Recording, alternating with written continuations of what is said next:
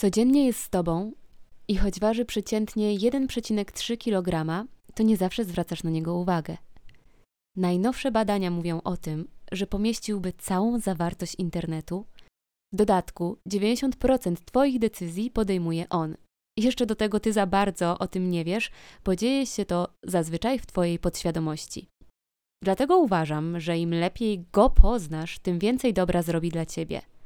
Co powiesz zatem na to, aby zaprzyjaźnić się ze swoim mózgiem? Nazywam się Joanna Toboła Pieńczak, to jest drugi sezon podcastu Slow Talks, czyli opowieści pomagających w samopoznaniu i w rozwoju samoświadomości. Zapraszam Cię również na mój Instagram joanna.tobola, gdzie na co dzień opowiadam o życiu na Bali i podróżach w głąb siebie.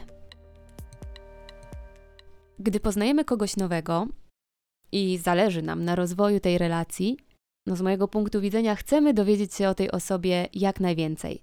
Chcemy wiedzieć, co ta osoba lubi, co ją bawi, jak spędza czas, co ją smuci, jakie maleńki, czego nie lubi.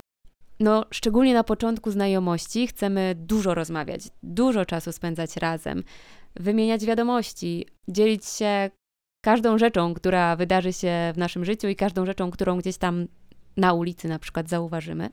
Jest intensywnie, jest na bogato, jest duża wymiana informacji, duża wymiana myśli, duża chęć spędzania czasu z tą drugą osobą. Poza tym, im więcej wiemy o tej drugiej osobie, tym jesteśmy też bardziej świadomi, w czym ona może nam na przykład pomóc, doradzić, z jakiej opresji nas wyciągnąć. No i tym razem, w tym odcinku, chcecie zainspirować do tego, byś spojrzał, spojrzała na swój mózg jako osobę. By ten mózg trochę spersonifikować. I tak potraktować go jako swojego przyjaciela albo przyjaciółkę. No bo nie dość, że ten przyjaciel towarzyszy ci każdego dnia, jest wręcz nieodłączną częścią ciebie, to ma również ogromny potencjał do tego, by wspierać cię w codziennych wyzwaniach, w przeprowadzaniu zmian, w nowych odkryciach.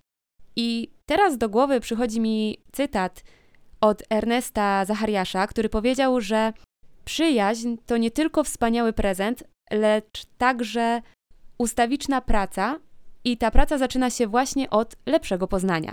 A im więcej o sobie wiemy, i tych przyjemnych, i tych trudnych rzeczy, tym łatwiej radzić sobie, gdy przychodzi po prostu kryzys. No i za chwilę pobawię się w taką przyjacielską swatkę i na początek chcę Ci podrzucić kilka informacji o Twoim mózgu, które być może staną się takim początkiem pięknej przyjaźni, i może będziesz chciał, chciała wiedzieć więcej. Taki przynajmniej jest mój plan na dalszą część tego odcinka. No i dobra, zacznijmy od tego, co widać na pierwszy rzut oka, czyli od rozmiaru i od obalenia mitu, że rozmiar ma znaczenie, bo jeżeli chodzi o mózg, to ten rozmiar znaczenia nie ma. Nie ma zależności pomiędzy wielkością mózgu a byciem, no tak to nazwijmy, mądrym, mądrą. Za to im większa aktywność mózgu, tym jest on bardziej sprawny. Ja to nazywam taką intelektualną siłownią. Jeżeli wysyłasz swój mózg na taką intelektualną siłkę, tym po prostu lepiej dla niego, no i w rezultacie lepiej dla ciebie. I ja sama od blisko roku praktykuję taki zwyczaj, że codziennie, tak świadomie, poświęcam choć 5 minut, żeby nauczyć się czegoś nowego. Na przykład mogą być to dwa czy trzy nowe słówka po angielsku, albo przeczytanie krótkiego artykułu. W moim przypadku tak teraz zarządzam swoim czasem, że na tą naukę poświęcam przynajmniej 30 minut o poranku i aktualnie uczę się hiszpańskiego albo słucham podcastu, kończę robić e, pewien kurs, no albo po prostu czytam książkę, no bo ja akurat nie potrafię czytać książek, na przykład science fiction, albo takich przenoszących do innego świata, za to bardzo lubię książki, które odkrywają kolejne tajemnice funkcjonowania chociażby właśnie naszego mózgu, więc czytając tą książkę dodatkowo zdobywam wiedzę, która potem przydaje mi się chociażby w robieniu takich podcastów jak ten. No i właśnie, zabierając ten mózg na tą intelektualną siłkę, trenuję go, by tworzył wewnątrz siebie takie nowe połączenia między neuronami, a im więcej tych połączeń, tym większa sprawność naszego mózgu. Idąc dalej, muszę wspomnieć o kilku liczbach, które dla mnie jako fanki liczb są ważne. A mianowicie, po pierwsze, wyobraź sobie, że naczynia krwionośne w Twoim mózgu mają prawie 160 tysięcy kilometrów długości. I teraz, żeby móc sobie to przenieść na coś w miarę ogarnialnego, chociaż nie wiem, czy to jest do końca ogarnialne, ale wyobraź sobie, że naczynia krwionośne to tak jakby cztery razy okrążyć równik. Dużo co? Inna liczba, łatwa do zapamiętania, to to, że nasz mózg składa się z 70% wody. No i ta informacja jeszcze bardziej wzmacnia moją wiarę w to, że różne fazy księżyca i sam księżyc mają silny wpływ na nas, na nasze ciało, które też składa się w znacznej mierze z wody, no i właśnie na nasz mózg, no bo księżyc ma udowodnione działanie na wodę, a skoro my składamy się z wody, no to automatycznie też jakiś wpływ na nas ma. I jeszcze jedna rzecz, że dojrzałość mózgu osiągana jest w okolicach 25 roku życia. Ale to wcale nie oznacza tego, że do 25 roku życia mamy szansę rozwinąć nasz mózg maksymalnie, a potem to się zatrzymuje, ale jakby o tym za chwilę.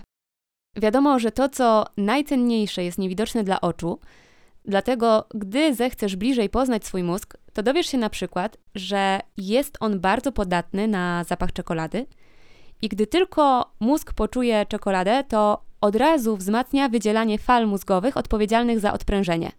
Co prowadzi mnie do prostego wniosku, że nie zawsze trzeba zjeść ciastko, tą czekoladę, by mieć ciastko, czyli chwilę relaksu.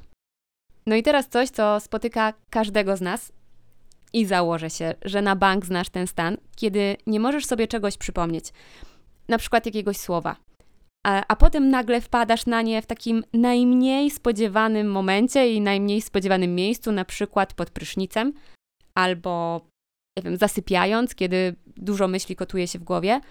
No i właśnie tak działa nasz mózg. Bo gdy zadasz mu pytanie, on zaczyna pracować w tle. To nie jest tak, że myślisz o tym słowie, którego nie możesz sobie przypomnieć, i w momencie, kiedy podejmujesz decyzję, że jednak zrobisz coś innego, to że twój mózg również się wyłącza.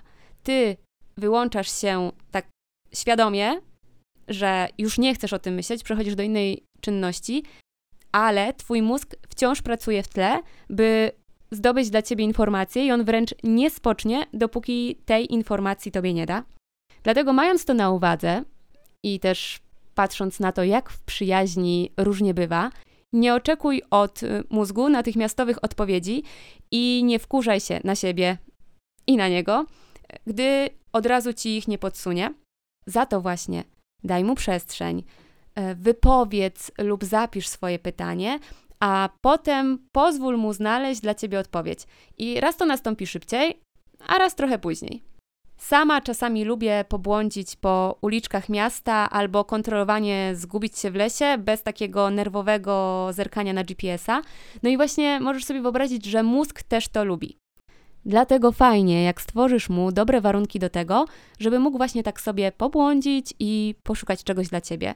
Możesz usiąść przed oknem, e, popatrzeć w dal, e, nie wiem, pójść do tego lasu i pobłądzić po ścieżkach, albo po prostu położyć się na kanapie, zamknąć oczy i zobaczyć, gdzie ten mózg ciebie zabierze, gdzie cię pokieruje.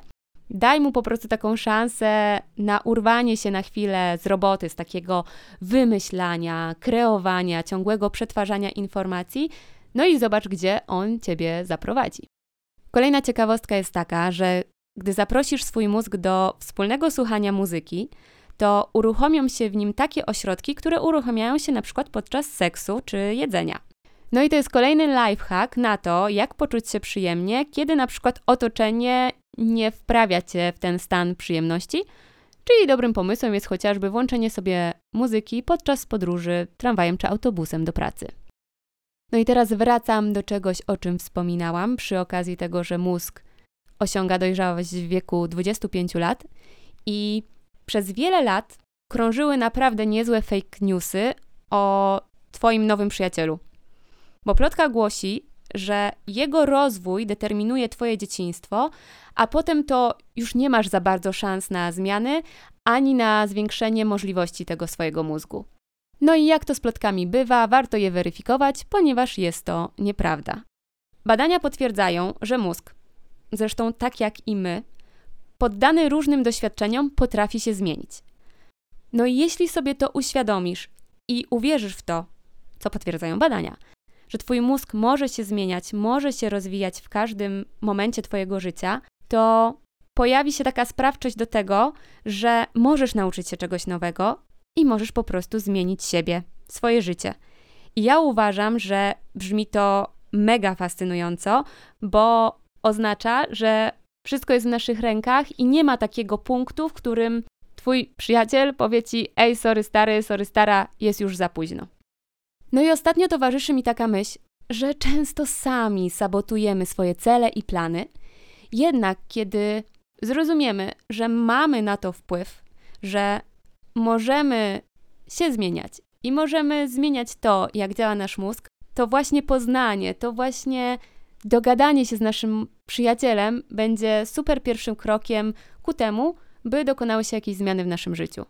I w tym celu warto zacząć od takich podstaw, czyli powtórki z lekcji biologii, bo najstarszą i najbardziej prymitywną częścią naszego mózgu jest e, mózg pierwotny, tak zwany gadzi, który odpowiada za podstawowe czynności życiowe, takie jak oddychanie, metabolizm, odruchowe reakcje. I w czasach pierwotnych, gdy tylko ten mózg był wykształcony, zapewniał on po prostu prawidłowe funkcjonowanie ciała, a jego głównym celem było przetrwanie. Ludzie pierwotni reagowali na to, co, jaki sygnał wysyłało im ciało, no i to polegało na tym uciekaj albo gin. I to były tylko i wyłącznie reakcje odruchowe, które pomagały w tym, żeby jak najdłużej żyć. Następnie, około 50 milionów lat temu, pojawił się na tym mózgu gadzim mózg czujący, tak zwany mózg ssaczy, który odpowiada za emocje i uczucia. I potrafi on rozpoznać przyjemne i nieprzyjemne bodźce i połączyć z nimi adekwatne emocje. W dodatku umożliwia powiązanie tych emocji z danym wydarzeniem i odpowiada również za proces uczenia się. No i właśnie dzięki temu ssaczemu mózgowi czujemy i reagujemy na to, co czujemy.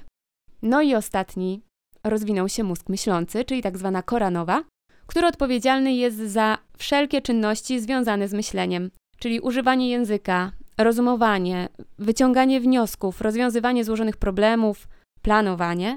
I ta kora nowa potrafi gromadzić i interpretować informacje, a na ich podstawie umożliwia podejmowanie decyzji. No dobra, mam nadzieję, że jestem całkiem niezłą swatką i po tym odcinku chcesz wiedzieć jeszcze więcej i mocniej zainwestować w przyjaźń ze swoim mózgiem, bo z mojej perspektywy warto poszerzyć wiedzę o tym, jaki wpływ mają na siebie te trzy mózgi, o których wspomniałam, i jak tę wiedzę wykorzystywać na co dzień. Niektóre fragmenty z tego odcinka pochodziły z mojego przewodnika rozwojowego, w którym znajdziesz takie 38 ćwiczeń, które będą idealną siłką dla Twojego mózgu.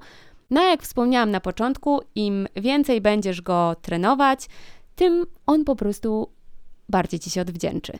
Sprawnością, szybszym podsuwaniem odpowiedzi i przyciąganiem tego, czego po prostu pragniesz. W końcu zmiany zaczynają się w głowie.